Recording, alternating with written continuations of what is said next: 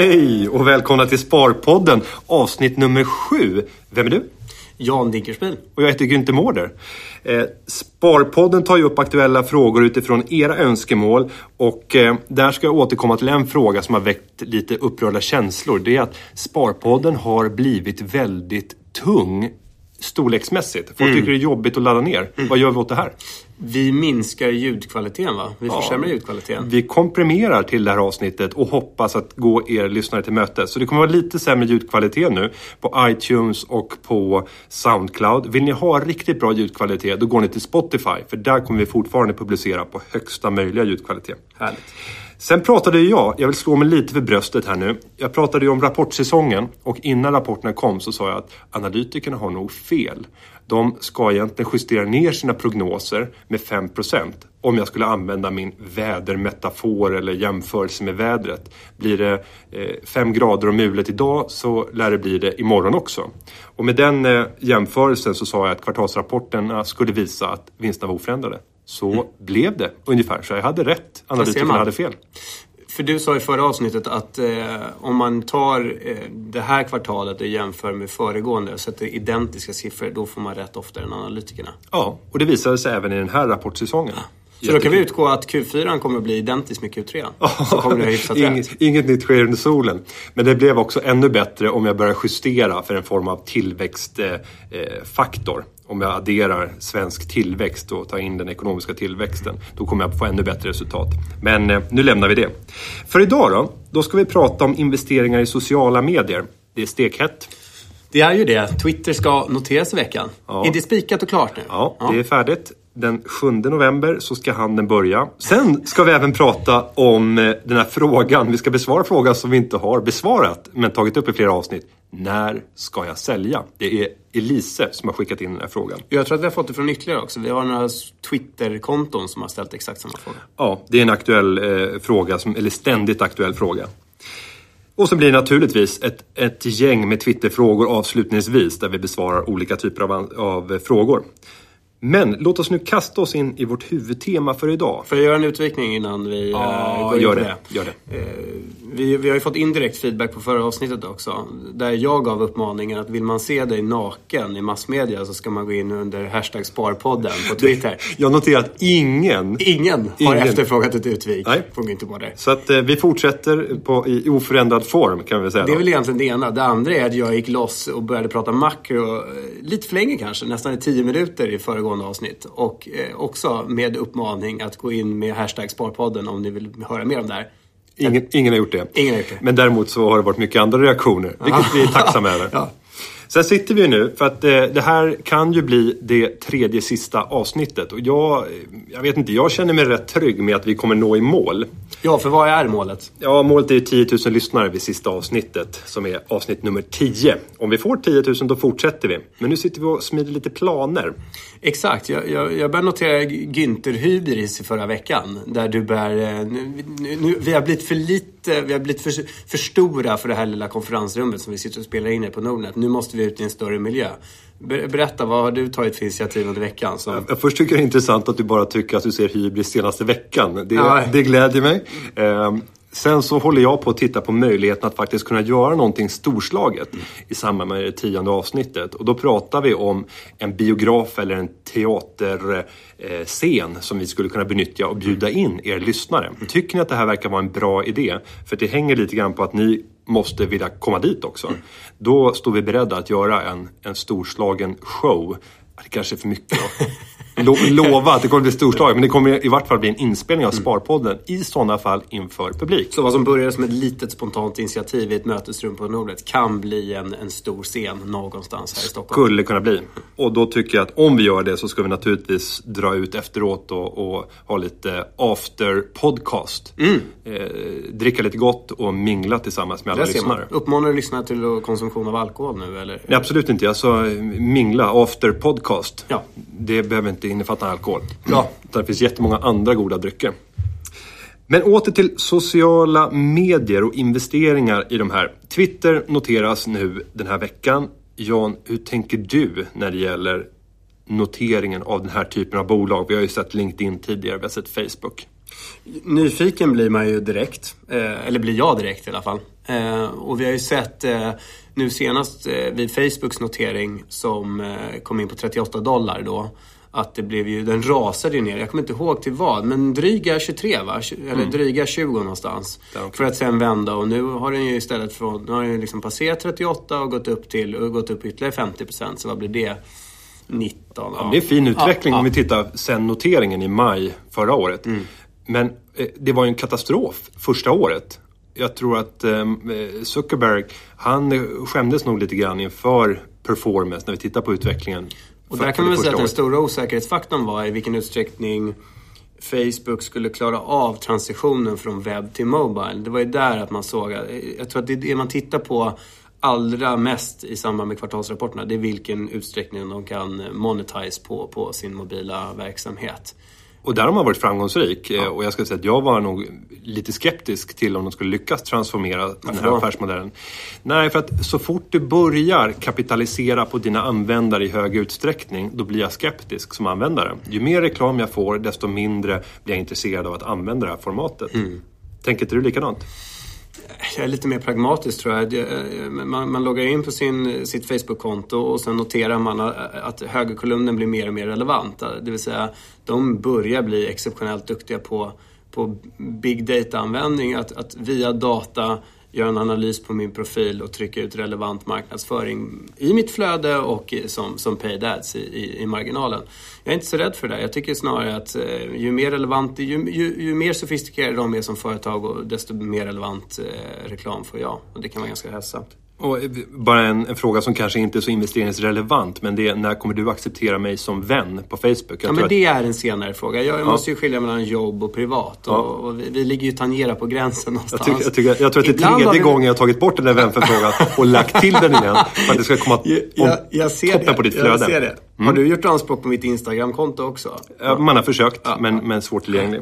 Ja. Eh, men tittar vi på, på utvecklingen för, för både Facebook och LinkedIn så imponerar det ju framförallt för LinkedIn som jag tror har stigit ungefär fyra gånger. Eh, så en uppgång på 400 procent i aktien sedan de, de noterade sig. Hur tänker du? Ja, börjar man titta på vad som är intressant det är att bryta ner vad värderar vi varje användare till och vilken tillväxt finns i de här bolagen när det gäller nya användare och hur duktig är man på att sprida reklam och tjäna pengar på sina användare. Och börjar med just begreppet värdering per användare mm. så kan jag säga att i, i Facebooks fall då värderas varje användare till ungefär 700 kronor. I LinkedIns fall så värderas de till 1000 kronor per användare. Så väsentligt mycket högre. Och då måste man ställa sig frågan vad är det som gör att, att LinkedIn och deras användare ska värderas mycket högre än Facebook? Har du någon tanke där?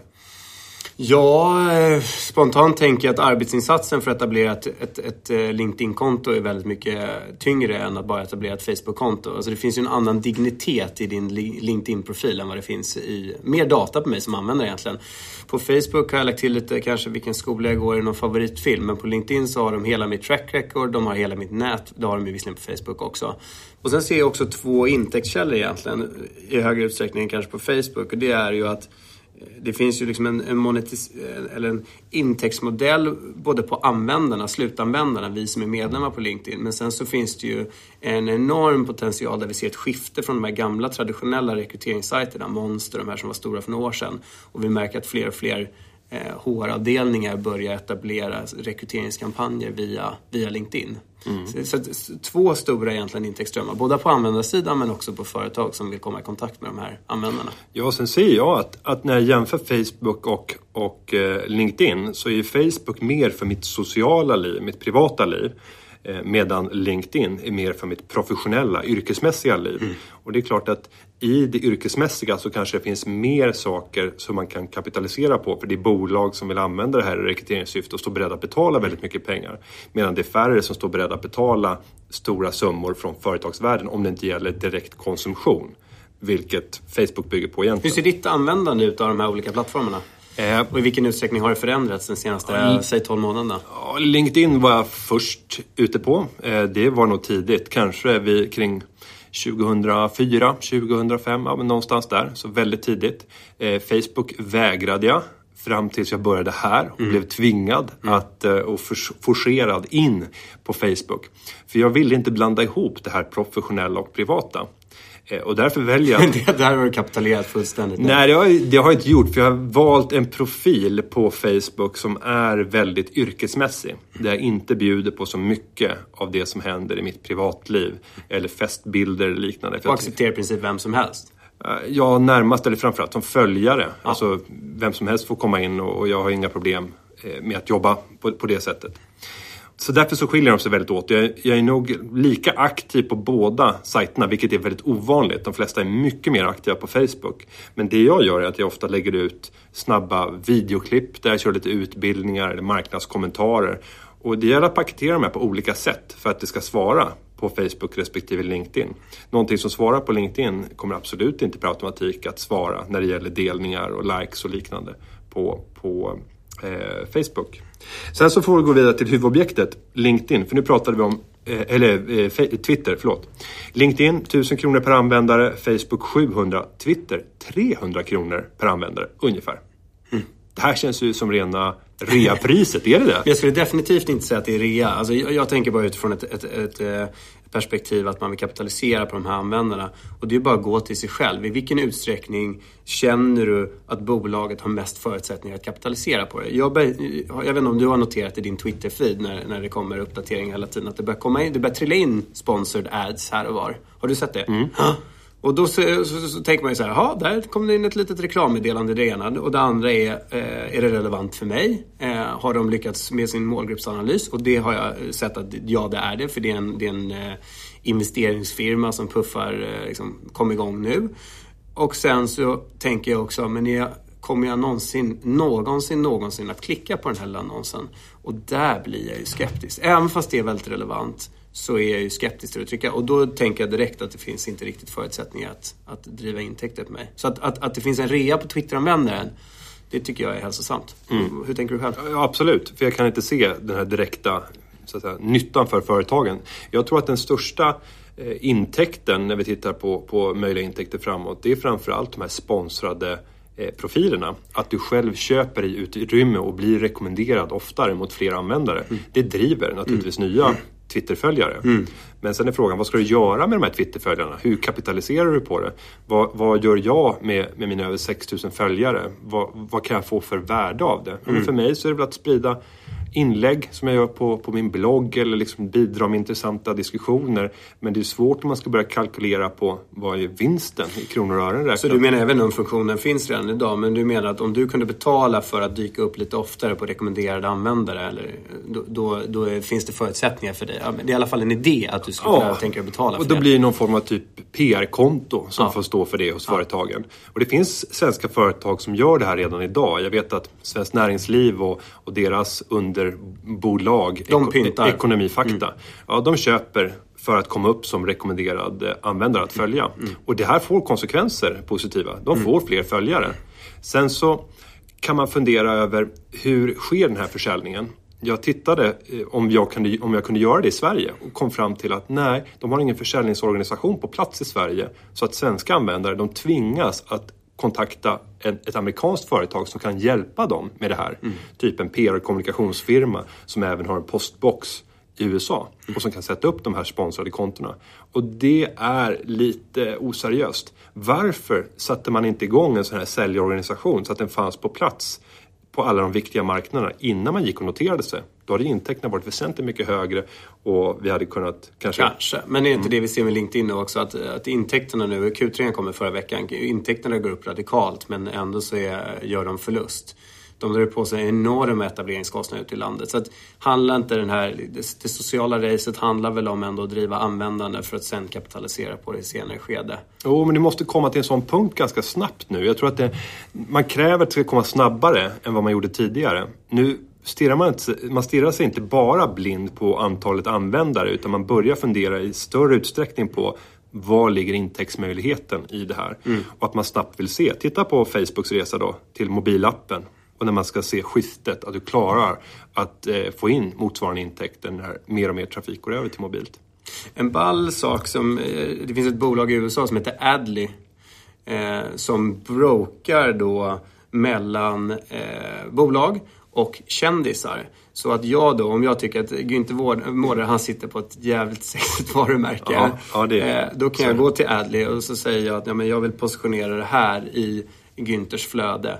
Och då så brokar de kontakten och sen så tar de en, en, en share av, av intäkten. Och, och jag vet till exempel, jag, jag tror att jag, jag pratar rätt siffror om, om Snoop fick typ 500 000 dollar för att gå ut och, och tweeta lite kring Toyota. Det beskriver också skillnaden mellan... Det känns inte så hiphop. Nej, men han, så här, skön, han, han körde någon så här skön station wagon. Ja. Liksom. De vill väl positionera okay. sig liksom, som mm. the station wagon i, i Snoops crowd.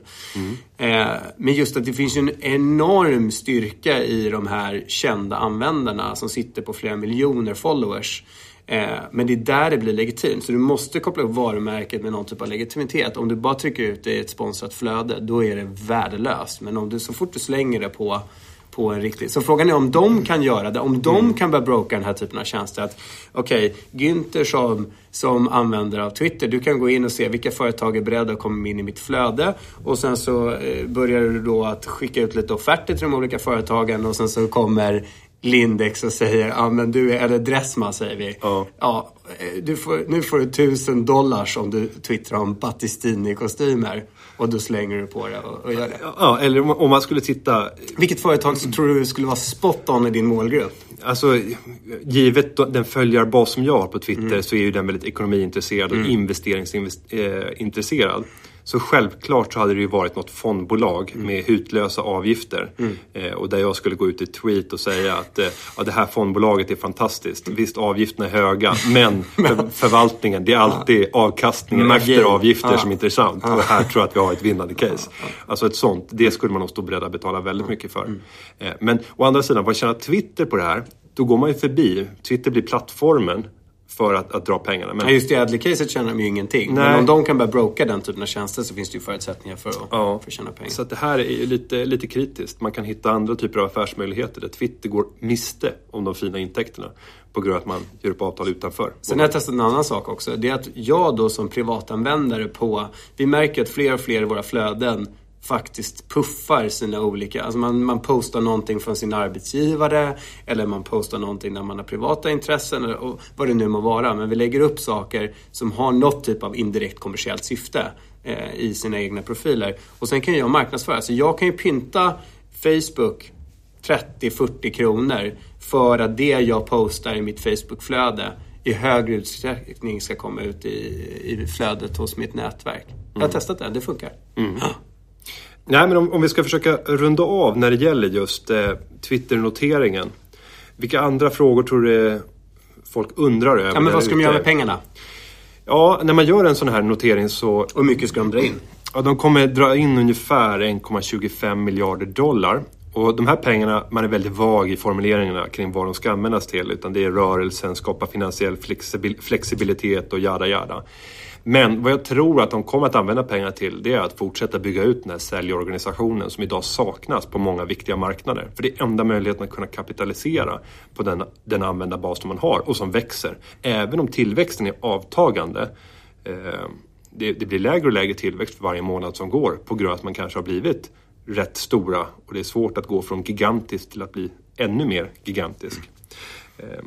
En mikrofråga i sammanhanget, men ändå rätt intressant, är att de väljer att notera sig på NYSE istället för Nasdaq. Alltså New York Stock Exchange. Ja, det här är väldigt otippat egentligen. Alla teknikbolag eh, på, ja, sen 90-talet fram till idag har i princip uteslutande valt att notera sig på Nasdaq för att det är huvudplatsen för teknikbolag. New York Stock Exchange rymmer framförallt de traditionella bolagen, detaljhandel, industri och så vidare. Mm.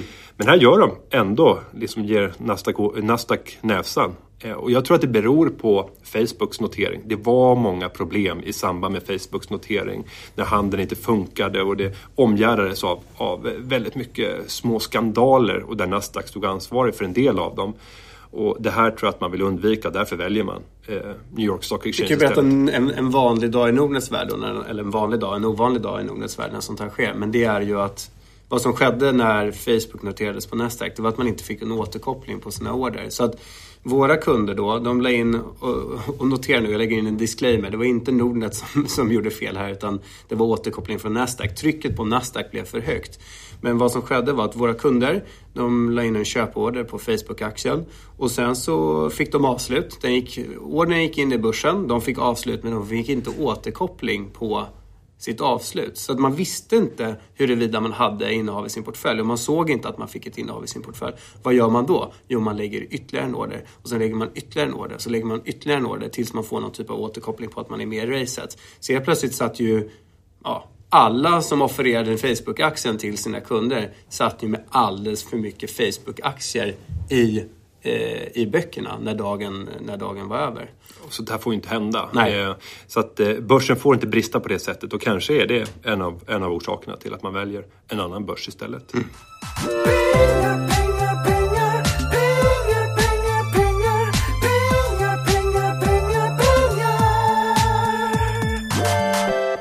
Mer om eh, Twitter kommer vi inte prata om nu, men däremot så kommer jag att löpande under hela veckan skriva flera blogginlägg där jag tar upp jämförelser mellan olika sociala medier. Eh, värdering, prata om alla de frågor som kan tänkas finnas inför den här ganska heta noteringen, även om den inte går att jämföra med Facebook. Kommer du köpa aktien? Eh, nej, jag måste gå in och göra en analys eh, som är djupare än den jag gjort hittills för att se det. Men en sak kan jag notera, det är att man väljer att släppa ut färre aktier eh, relativt det totala antalet aktier på marknaden jämfört med Facebook. Jag tror att man vill vara försiktig. Man lägger sig i ett prisintervall som är något under många av de förhandsspekulationerna. Så att jag tror att man vill se en lyckad emission och där aktien stiger de, den första veckan. Ehm, och det skulle kunna vara en, en, en trigger för ett kortsiktigt ägande. Men jag gillar inte att hålla på och, köpa på det sättet. Så att ehm, jag får återkomma i, Du vill ha vinster frågan. och kassaflöde och utdelning? Ja, och det dröjer länge i det här bolaget. kanske köper 2018. Ja, när allting är över. Men Jan, sen har det kommit in lite andra eh, frågor om det här med sociala medier och lite kritik mot dig. Ja. Eh, för då är det så här, Johan Jonsson Kritik mot oss va? Ja, eh, nej framförallt mot dig tror jag. eh, som finns på Twitter under att Jonsson84 som säger så här eh, angående Sharewill. Kolla vem som sitter i styrelsen så förstår du varför Sparpodden promotar tjänsten så mycket. så och, jag, och jag tittade vem som sitter i styrelsen. Och döma min förvåning när det är Jan Dinkelspiel. Han har mörkat det. Och sen kommer Olle Kvarnström, snåljåpen, in och säger Jo, jag vet redan. Jag tycker verkligen att Sparpodden borde vara offentliga med att de äger Sharewill. Och sen har vi vår frasse, som du sa, eller fransman, eh, Philippe Scholze. Mm, som säger ni får inte missa att diskutera Nordnets investering i Sharewill i Sparpodden. Så att nu över till dig, för det är du som är ansvarig för den här investeringen. Och Ja, delvis. har du, ja, men du har varit hjärnan bakom i alla fall att vi har köpt det. Eh, Och vad, vad är det som ligger bakom och vad är det du vill återskapa? Och varför har du mörkat inför Ja, lyssnarna? men först, du har ju varit högst medveten, högt medveten om att, att eh, det är Nordnet som är delägare här. Och jag är ju köpt av Nordnet. Men du ska ju ta en, en eh, oberoende... Ja, men man brukar ju alltid säga så här att det finns, man brukar alltid prata om att det finns andra alternativ. Så bara, det finns många andra nätmäklare som ni kan titta på eller jämföra med er bank. Men i det här fallet så är det svårt att säga att ja, men det finns många andra eh, sajter där du kan lägga upp din egen portfölj och visa den mot omvärlden. Absolut. absolut. Eh, Nej, men jag ska gå in på det. Eh, Shareville, kort bakgrund. Shareville är ju idag en, en, en plattform, en svensk plattform med eh, många användare som eh, handlar med leksakspengar i publika portföljer. Det, det är vad bolaget är. Och eh, precis som du har varit inne på så köpte vi, men vi köpte inte hela bolaget. Vi köpte väldigt medvetet så köpte vi en majoritetsandel, eh, cirka 70% av bolaget. Och 30% är fortfarande ägt av entreprenörerna. Det, det är väl utgångspunkt nummer ett. Att jag tror att det är, det är extremt viktigt för oss som företag att kunna attrahera entreprenörer. Därför att eh, Folk brukar fråga mig vad är, som, vad är, vad är, den största utmaningen för er som, som bolag framöver? Och, och, och då säger jag alltid att det är att hitta väldigt duktiga människor. Så att, att vi får förutsättningar att jobba vidare med de här duktiga entreprenörerna som, som har etablerat det här företaget. Det, det är förutsättning nummer ett för att det ska bli bra. Sen så ställde du frågan vad ambitionen är och varför vi har gjort det här. Mm. Så är det ju helt enkelt så att jag tror ju på Alltså, sparande är svårt, det visar inte minst podden. Att vi, vi snabbt får upp flera tusen lyssnare. eh, genom att prata sparande så är det eh, sparande är komplext därför att de finansiella ingenjörerna kommer på fler och fler produkter och då måste vi göra det enklare att spara. Och eh, Eh, den gamla världen är ju att banken eh, sitter på all expertis och banken ska diktera villkoren för dig som kund och tala om att det här borde du göra, det här borde du inte göra. Men jag tror att det finns en väsentligt mycket större kraft i vår kundbas på 400 000 nordiska kunder än den analyskapacitet som vi skulle kunna bygga upp. Så vad vi gör egentligen är väldigt enkelt. Att vi tar vår kundbas och sen ska vi ge dem förutsättningar att under, under inledningen av nästa år att bli publika med sitt sparande. Och det handlar ju om att vi tror att det finns så mycket kunskap och kompetens så vi vill ge andra förutsättningar att bli, eh, bli framgångsrika i sitt sparande. Ja, nu har ni fått höra mer om, om bakgrunden och sen så har ni också fått höra Jans eh, biktning. Blev du tårögd? Nästan. Ja. Nej, men jag tycker det är bra att du slutar mörka det här. Eh, så att nu vet, nu vet alla. Japp. Nu ska vi återkomma till den här frågan som Elise har ställt så många gånger. Vilken är det? När ska man sälja? Ja, när ska man sälja? När, har du några speciella... Jag är jättedålig på det. Ja. Jag är jättedålig på det.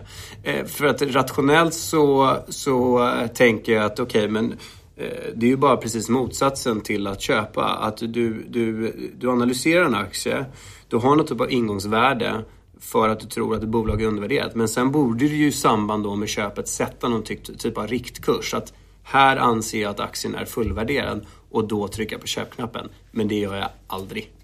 Eh, så att eh, jag, är, jag är absolut värdelös på att sälja, men ja. Ska jag lära, något bättre ska jag lära dig? Jag vill grejer? att du lär mig. Ja. Nej, men en sån där grundregel som man kan ha när det gäller att sälja sina aktier. När ska jag sälja? Det är när en enskild aktie utgör en alldeles för stor andel av din portfölj. Låt oss säga att du har valt en riskprofil där du säger att jag vill ha en riskspridning på minst 10 olika aktier. Och sen är en av de där 10 får vara med om en fantastisk resa, en tredubbling. Och med stor sannolikhet så kommer den här aktien förmodligen att utgöra en väsentligt mycket högre andel av din totala portfölj. Och din riskprofil har därmed ändrats. Så titta hela tiden på, stämmer den här riskprofilen som jag ursprungligen hade även efter att vi fått se rörelser på börsen? Och sälj av delar av innehaven eller kanske köp på mer i andra typer av långsiktiga positioner. Får jag avbryta dig redan Ja. Riskerar man inte, vad vi ser är ju ett beteende att våra kunder har en tendens att sälja vinnare och köpa förlorare. Och ofta kan ju det vara fel också. Att, att egentligen Ja, ska... det, du, du säger det ju själv. Att, att sälja vinnare och köpa förlorare kommer väl alltid att vara en dålig Ja, strategi, men, eller? Ja, men, men, men, men du är med på vad jag Ja, menar. ja, den aktie som har gått upp Ja, och, och, och senaste sen tiden. Mm. finns ju också att man ska rida trender på något sätt. Så att, så att om, om man följer ditt tips här nu så säger du ju implicit att bra bolag som utvecklas väl och som gör att aktien stiger, men där ska du hämta hem vinsten för att allokera in i skitet som inte går lika bra. Ja, det behöver inte vara skiten. Det kan vara ett annat bolag inom samma sektor men som kanske inte har dragit iväg lika mycket. Men jag menar så här att tittar man på, på den totala utvecklingen. Om du till exempel har Boliden i portföljen, vilket är rätt vanligt hos våra kunder, så rör sig den mycket kraftigare än börsen i övrigt. Så att när börsen stiger 100% så är det inte ovanligt att Boliden faktiskt har stigit med 200-250%. När börsen sen vänder ner och kanske sjunker 50% under två år, ja då kommer Boliden tappa 80% eller 70% av sitt värde. För att de har ett högre betatal. De rör sig kraftigare än vad börsen gör i allmänhet. Och då menar jag att när Boliden plötsligt kanske utgör en alltför stor andel av din portfölj så har du en mycket högre riskprofil. Självklart, är du medveten om det och står beredd att ta riskerna, fortsätt. Men vad du säger här är egentligen, sälj inte allt. Utan sälj tillräckligt mycket för att kunna skapa den riskprofil som du en gång Ja, hade. rebalansera. Ja. Hitta nya intressanta innehav. En annan sak som kan vara en, en trigger till att sälja. Det är ju när det händer saker som är lite oväntade. En VD avgår utan att du får någon tydlig förklaring till varför. Eller revisorn avgår plötsligt. Eller så kanske det är så att en rapport senare läggs. Det brukar sällan vara ett gott tecken när man, när man senare lägger en rapport. Den typen av information brukar vara sånt som jag eh, gör att jag blir extra observant och försiktig till aktien. Och ligger jag då kanske lite för överviktig på grund av att aktien har gått bra, då kanske jag pytsar av en del av innehavet. En annan sak det är om bolaget inte lever upp till de prognoser eller mål som man har kommunicerat. Om man säger att vi ska växa med 10% per år och vi ska ha en, en rörelsemarginal på 15%. Om man plötsligt ser att man kvartal efter kvartal, kanske två, tre kvartal i rad levererar under det. Lönsamheten försvagas och försäljningen svarar inte. Samtidigt som andra konkurrenter faktiskt lyckas svara upp på de tillväxtsiffrorna. Så man tappar marknadsandelar eller någonting går emot det man har kommunicerat. Då tycker jag man ska börja ifrågasätta. För det är ofta då man ser en trendvändning. Där bolaget går in i, i, ett, i ett moment där, där saker och ting inte går Ja, sen handlar väl egentligen man vill investera i, i ledningar som, som lovar lite och levererar mycket istället för tvärtom. Ja, det är ganska ovanligt eh, tyvärr. Nokia var faktiskt så, om vi går tillbaka till början av 2000-talet. Man lovade alltid ganska lågt och så levererade man stort. Eh, och det var ju häftigt, men marknaden vande sig ju vid det. Så man förväntade sig alltid att Nokia skulle överprestera mot kommunicerade resultat. Ja. En annan sak det är om eh, du tittar på skattekonsekvenser. Jag ser att vissa avhåller sig från att göra affärer på grund av skatteskäl. Och det här tycker jag inte är ett giltigt argument. För du kommer inte bli, en duktig investerare om du håller på att stirra ibland blind på skattekonsekvenser. Självklart, om du sitter precis vid ett årsskifte och väljer om du ska sälja den sista december eller första handelsdagen i januari, alltså sista handelsdagen i december också. Ja, då är det klart att man kanske kan överväga eh, skattekonsekvenser. Men i övrigt, var väldigt försiktig med att använda Du tänker inte på skattekonsekvenserna när du köper och säljer Nej, det blir bara fel om man ska hålla på och bygga upp det. Däremot om du har ett väldigt långsiktigt innehav som är kanske ägt i 15 år eh, och kursen har gått upp tre gånger. Ja, då är det klart att det blir en skattekredit. Vi har ju egentligen fått låna pengar gratis av staten. De tar ingen ränta för att vi har en, en orealiserad vinst. Och där kan det ju finnas skäl ibland att ligga kvar långsiktigt i en sån här aktie. Men, men skatteskäl får aldrig vara den bärande orsaken till att man antingen behåller eller väljer att, att sälja. Fortsätt. Eh, nej, och titta på historiska nyckeltal. Det här är kanske den absolut viktigaste delen. Titta på vad brukar det här bolaget handlas till P talmässigt Eh, vad är snitt P talet Vad brukar de toppa på? Börjar man närma sig toppnivåer, ja då lyser en säljlampa för mig. Om inte förutsättningarna är radikalt ändrade idag och framåt. Titta på hur, hur högt det egna kapitalet värderas. Hur många kronor får man betala för varje krona eget kapital i det här bolaget? Hur brukar det se ut i snitt? Hur ser det ut för snittet i branschen tillbaka? Är det på höga värden, då börjar de här säljlamporna att lysa.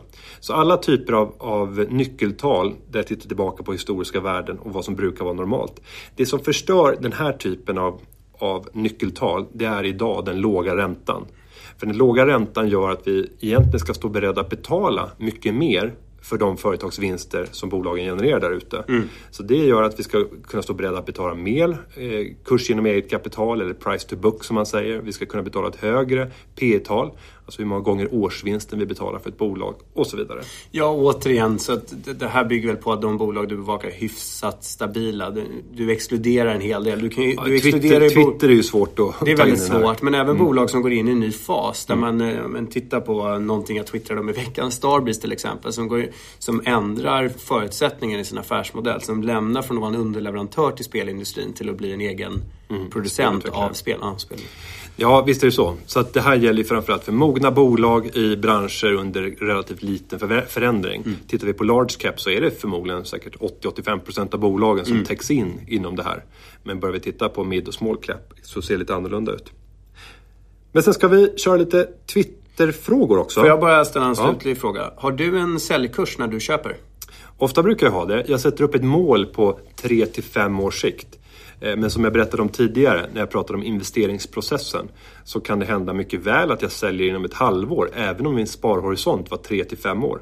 Och det beror på att jag kanske har realiserat en stor del av den potential som jag såg ursprungligen under en väldigt kort tid. Så hade jag en, en förhoppning om att den här aktien kommer kunna lyfta med 100% de kommande fem åren och så lyfter den 35% redan första halvåret.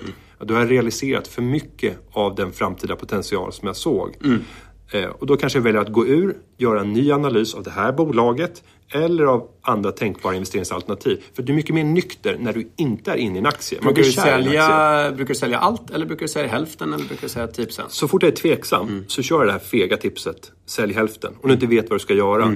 I samband med Nokia-affären eh, så var det mitt, mitt allmänna råd. Det var många som frågade vad ska jag göra nu när Microsoft har lagt ett bud, aktiekurserna har rusat. Eh, ja, men då säger jag, ja, men är du en, en, en försiktig sparare som både vill ha kvar potential men realisera en del av de värdena som nu har kommit, sälj hälften. För det kommer mentalt vara ganska skönt. Om den fortsätter en resa upp, vilket den har gjort, det var inte alla som trodde det, men den har gått upp med 40-45% till sen den dagen.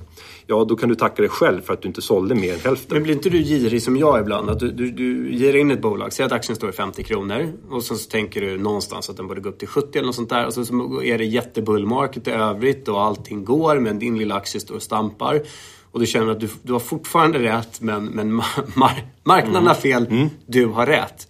Och att du, även om du då känner att men det finns en potential i aktien så, så orkar du inte äg, fortsätta äga aktien utan du tänker att jag hoppar tillbaka på det här tåget senare. Utan nu säljer jag skiten och så, så går jag in i någonting annat istället och hakar på trenden för att sen gå tillbaka och ha aktien under bevakning. Gör du så eller? Ja, visst eller är händer du mer disciplinerad än...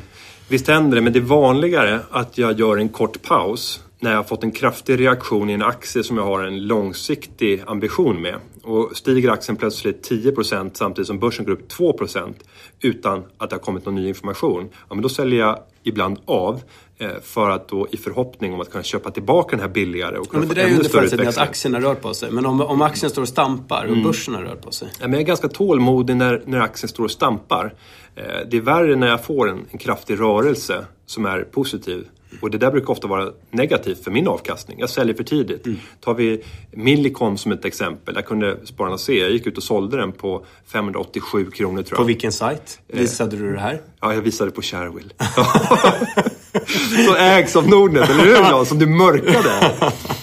Eh, nej, men jag sålde på 587 i förhoppning om att kunna återvända kring 520-530 kronor. Den var ner och dippade på 535 efter det. Du låg och dallrade på köpet. Ja, och sen så sänkte drog, den sen över drog den 600. iväg över 600 och nu ligger den där omkring.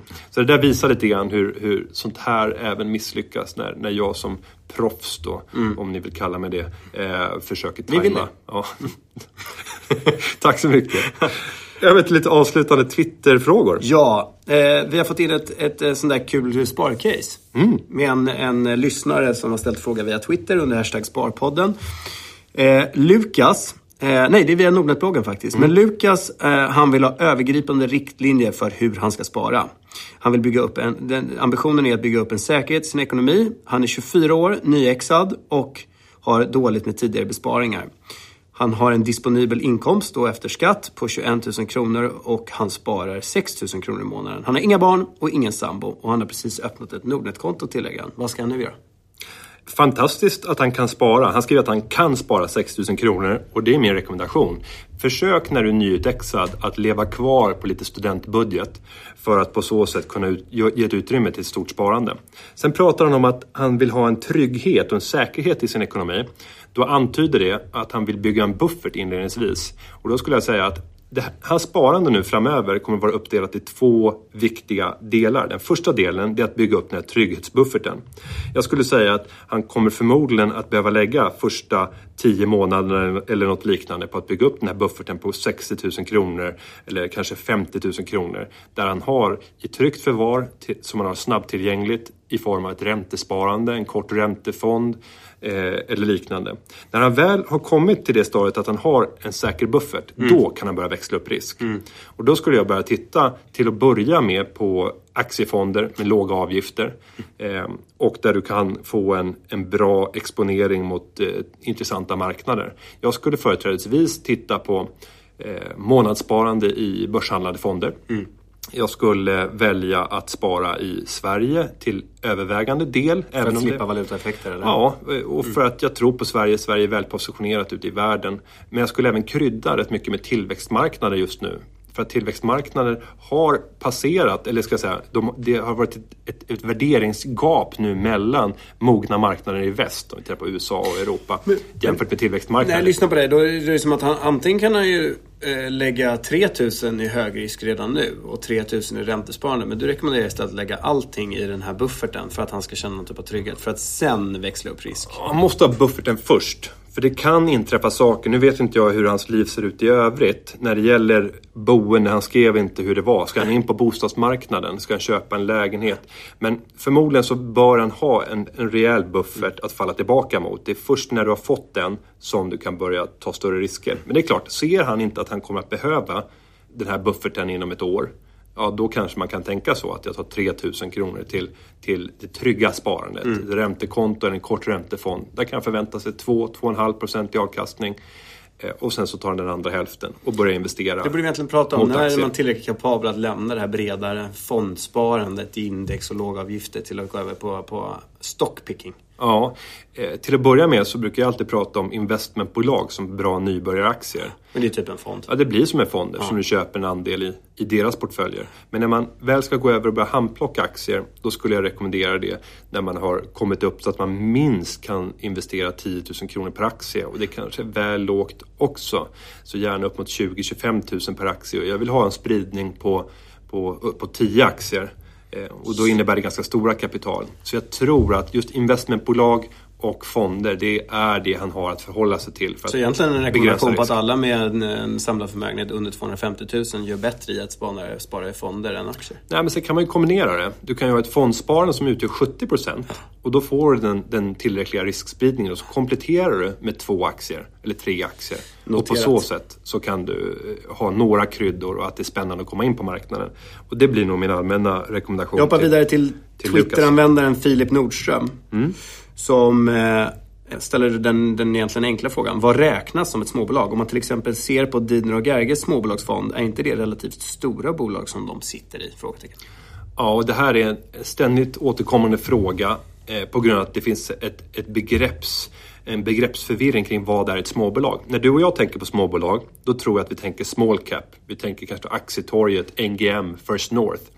När förvaltningsvärlden tänker på småbolag, då tänker de allt som inte är OMX S30, alltså de 30 mest handlade bolagen på börsen, vilket ofta är de största.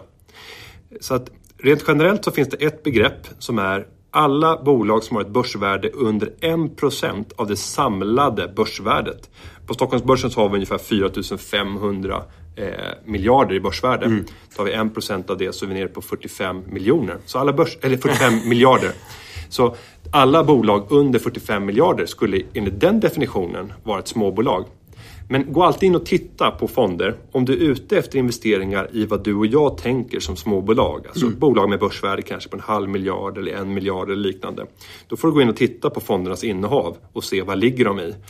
Men sen handlar det här väldigt mycket om att den här typen av fonder eh, de börjar, men säg att de har 500 miljoner under förvaltning till en början. Ja, men då går de in i mindre bolag som de anser vara undervärderade.